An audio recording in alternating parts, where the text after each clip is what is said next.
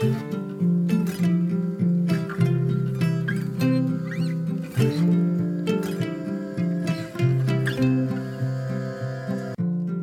och välkommen till For Health med Anna Sparre. Idag får du lyssna på Dr. David Brady, en riktig kändis inom funktionsmedicin och nutrition, särskilt när det kommer till tarmfloran och dess koppling till hälsa och sjukdom. Idag blir det ett avsnitt om avföringstester. Om du gillar det här avsnittet blir jag jätteglad om du vill dela det på Facebook, Instagram eller till en vän. Och gå in och lämna din recension i iTunes. Tack på förhand! Jag påminner dig om att det bästa från podcasten finns i skriftligt format som e-böcker. Du kan ladda ner dem på forhealth.se under fliken böcker.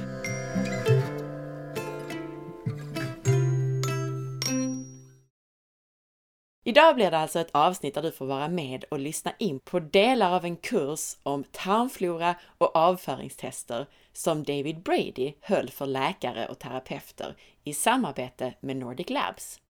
Jag har försökt att klippa ihop det som är relevant för många lyssnare. Hoppas att du gillar det!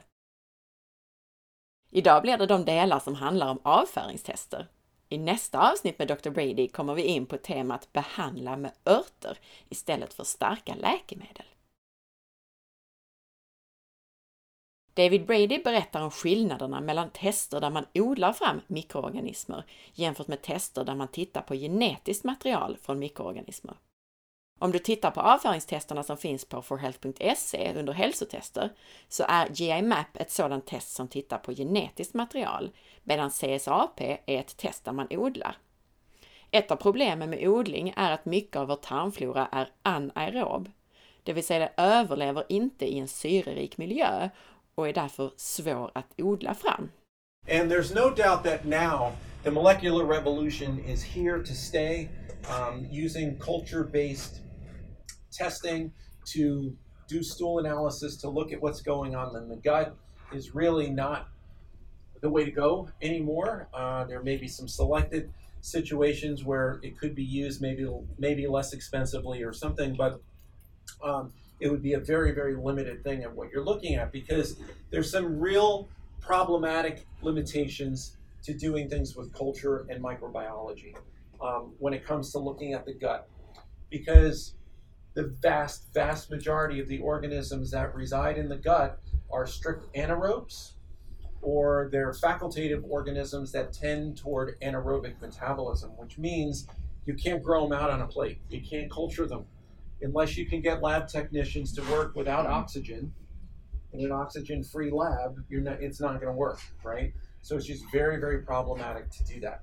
So when you're using culture technology, by definition, you're only able to look at maybe three to five percent at most of what's in the microbiota. The other thing is that when the patient collects the sample and puts it in the vial with the nutritive media, there's sugars in there to keep the organisms alive so they have an energy source. When it's getting transported to the lab, all the numbers are changing real time because certain organisms will love some of the sugars in the broth and some others won't, and it'll change the relative values. So by the time the lab, even if they were fully accurate in telling you what's there, what's there in that vial three days later, or two days later, or even an hour later from when it was collected is markedly different than what it was. Okay, with molecular, you don't need a nutritive broth. The sample is dropped in basically a formalin-like substance of one sort or another that just freezes everything. It, it, it kills everything because we don't need live organisms to grow in the methodology. We're looking for the G, for the DNA. The DNA is there whether the organism's alive or not. Okay, so it's just like stopping a moment in time. Boom, and then it goes to the lab and you analyze it. So it has a lot of inherent advantages. Dr. Brady berättar om två olika sätt att testa molekylärt i avföringstester, det vill säga där man tittar på genetiskt material från mikroorganismer i tarmen. Hur den ena är menad för forskning och den andra kan användas kliniskt på enskilda patienter. Han går också igenom vad man får ut av ett GI-MAP-test. So, we're going to look at some of the molecular options in doing stool analysis. And there are two different types of molecular methodologies. There's two major camps of molecular, and they are both exceedingly good at what they do, but they're very different, and they're different for reasons. They're used for different things. Okay, they're both good at what they do, but neither are good at the other. You know, like the, you got to use the right one for the right thing. All right, and clinicians aren't usually trained in this. They have no idea about this. They're totally confused.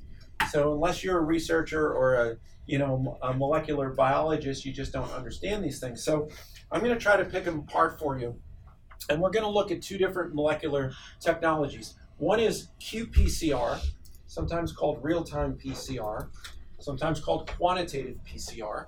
But Q stands for quantitative. Quantitative, it counts. It counts the level of DNA. It doesn't just tell you what's there, it tells you how much of it is there. Okay? Versus next gen sequencing or shotgun sequencing.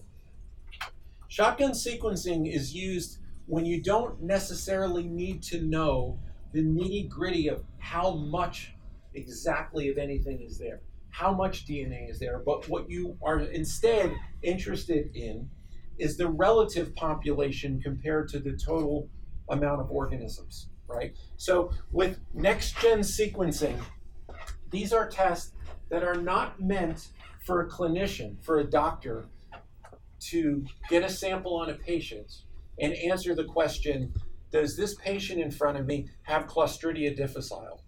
Or do they have Yersinia enterocolitica? Or do they have Prevotella? It's not meant for that. It's not meant to make a clinical decision. It's not meant to determine does someone have overgrowth of specific organisms to a certain level of overgrowth that I need to treat it? Okay? It's not a clinical decision making test. Next gen sequencing is a research test. Okay? What it's meant to do and what it's very good at is looking at a much bigger list of organisms. Okay, so it looks at oh, like it's like looking down on the planet from like 30,000 feet. Okay? It's looking across a big landscape. So when you get tests back that are next gen sequencing, and that's what most of these direct to consumer type of tests are, like do you have uBiome over here and those types of tests? What they what those companies do is they do next gen sequencing. They entice lots of people in the mm-hmm. population to send in biological samples they do these next gen sequencing. So they're looking at lots of organisms in every individual's gut. The vast majority of those organisms have no clinical significance that we're, we are aware of.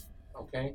And when you get the reports back, they report each organism, or in some cases only the genus of the organism, some case phyla, as a percentage of the total DNA found, but they don't tell you exactly how much of it's there. They'll tell you that 0.003% of the microbiota is this genus, but they don't tell you how much of the DNA is there. Okay? It's different. Because you don't have to if your goal is to look at lots of people and start building these signatures of which organisms tend to be higher or lower in people in Sweden versus people in California, right? Or what tends to be the different relative balances of all these different organisms in people with rheumatoid arthritis versus people without rheumatoid arthritis. Okay? That's what they're used for. They're cross population type of research methods. And they're very good at doing that. But they really are not good when someone comes in and plops it on your desk in your consulting practice and says, Look at my test. What do I do about this? Well, you got organisms going, right? What do, you, what do you even do with that? It's like when someone comes and puts their 23andMe raw data in front of you. right? They drop a, a data file this big, bam. Tell me what to do, doc, right? It's just, you need you need an informatics AI platform to parse all of this stuff and tell you what it means, right? So, and that's what these researchers do with it. Where a quantitative PCR test is looking at a lot of organisms still, but a much more narrow band of organisms that we know matter and we need to know not only what the relative percentages are there, but how much DNA is there, because if it crosses certain thresholds, we know that that's a treatable amount of the organism. We need to intervene. Okay? And in the US, in pathogens, FDA, Federal Drug Administration, actually sets guidelines of how much DNA is the cut point with different methodologies that require a physician to treat them with an antibiotic, for instance. Okay? So you'd never be able to do that off a next gen sequencing test. I'm, I'm sure your analogous agency probably has the same kind of you know, standards that are set for treating physicians. So the GI map um, is a quantitative PCR clinical test. Something like uBiome, for instance, is a next gen shotgun sequencing test. This is a this is a uBiome. This is Viome, a competitor. Okay, another uh, next gen sequencing, sort of direct to consumer type of test. Um, and if you see, they're reporting this phylum, right? Actinobacteria phylum. Phylum is a large group of organisms, right? And then they go down through the genus, uh, different genus, and some they can get down to species level. And when they're reporting the level, look at, see all it's all reported as a percentage, you see? So it's a percentage of the total DNA. It's not how much DNA, it's only a percentage of that patient's DNA. And then they break them into different phyla and things like that, which can be very useful if you're trying to once again be the first to be the researchers establishing what these different signatures are, and you're using really high-powered, you know, artificial intelligence informatics engines to look at all of this stuff and statistically analyze it. GI map is different. Its uh, its methodology is quantitative PCR, like we said, and it looks a narrower band of organisms it quantitates them. But in addition to that, it gives you different stool chemistries and, and different things like that that are helpful to a clinician. So, for instance, on the first page here of the GI map, you'll see it's broken down also in this in this case to pathogens. These are a bunch of nasty bacterial pathogens that you don't want high levels of DNA recovery of. So things like uh, Campylobacter, Clostridia difficile, um, the really problematic forms of E. coli, like enterohemorrhagic E. coli, the kind of E. coli that are not the normal benign E. coli found in all of us at, at significant levels, but the kind of E. coli that you get in food poisoning and things like that. Okay? Also, things like Salmonella, Vibrio, Yersinia, these are overt pathogens. So, when you get a high level of DNA being uh, recovered for these organisms, it's not uncommon that the patient has significant acute symptoms like diarrhea, diarrhea that won't go away, right? Um, then down here we have parasitic pathogens. These are protozoa, Cryptosporidium, Entamoeba histolytica, Giardia, and then some viral pathogens, adenoviruses, norovirus. Um, norovirus, for instance, is what people get on the cruise ships, right? When they all get diarrhea on the on the ship. Okay, it's an overt pathogen. So this page is pathogens. It's not uncommon when we're dealing with people with chronic, kind of low level GI issues, like they're told they have irritable bowel syndrome or IBS, right? But this page comes back totally normal, right? Because they don't have a, it's not an overt pathogen, okay? So this means less than detectable limits, right? They couldn't even find any DNA for that organism. This person, interestingly enough, they have a resident C. difficile or Clostridia difficile population. But why is it listed twice? Because with quantitative PCR, you can drill down way deeper than with next gen sequencing technology. You can not only look at phyla, you can look at genus. You can go beyond genus and look at species. You can go beyond species and look at strain. And even within strain, you can look for genetic characteristics for the organism to be able to do something specific, like produce a toxin, right? So this is C. difficile toxin A and toxin B DNA within it. It means that this person has a C. difficile background population that has the, the genetic signature to be able to produce C. diff toxin A and toxin B. And it's these toxins, when the organism really blooms and overgrows, that creates the massive diarrhea and, and inflammation and erosion of the gut lining and so forth that can cause ultimately pseudomembranous colitis usually after antibiotic therapy, right? It's usually post antibiotic C. diff. Now, this person may be totally asymptomatic, no diarrhea, everything's fine. You do a GI map on them and you see this. What does this mean then? Is it something we need to treat?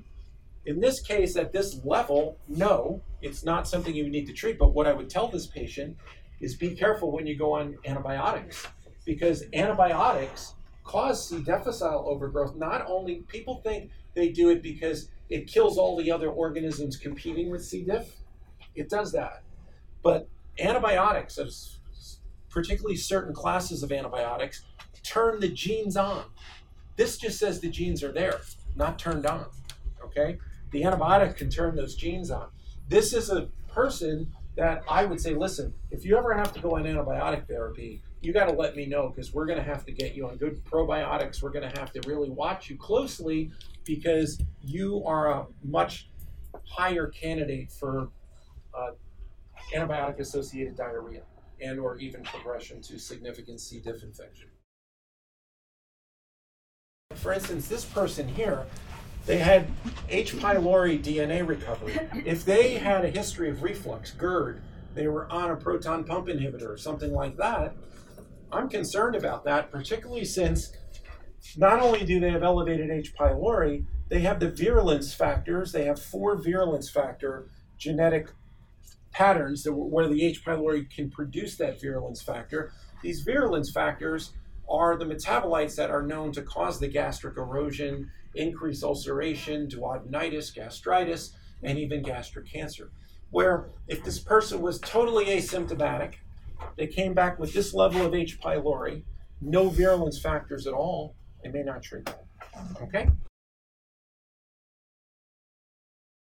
These are some nor, and I'm going to get to these sections in a more clinical context. This was just the first look at the test. Okay, these are normal uh, or commensal flora here. The big ones, you know, lactobacillus, of course, and uh, bifidobacterium, but others including, um, you know, clostridium again. So this isn't Clostridium difficile, right? This is benign, normal commensal Clostridium.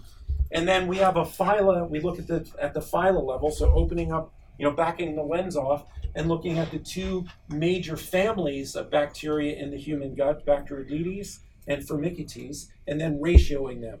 Because if that ratio is off, then you that's called the adiposity ratio a lot, right? If you have more Firmicutes than Bacteroidetes to the point where you push this ratio above one, it's associated with much more adiposity and, and uh, overweight, um, and some other immune imbalances too, which we'll look at. We have a, a, whole slew of opportunistic organisms. These aren't pathogens, they're not commensals. These are all bacterial opportunists that clinically matter, and particularly this section here, which is the ones that we have strong data on triggering autoimmune disease. Okay?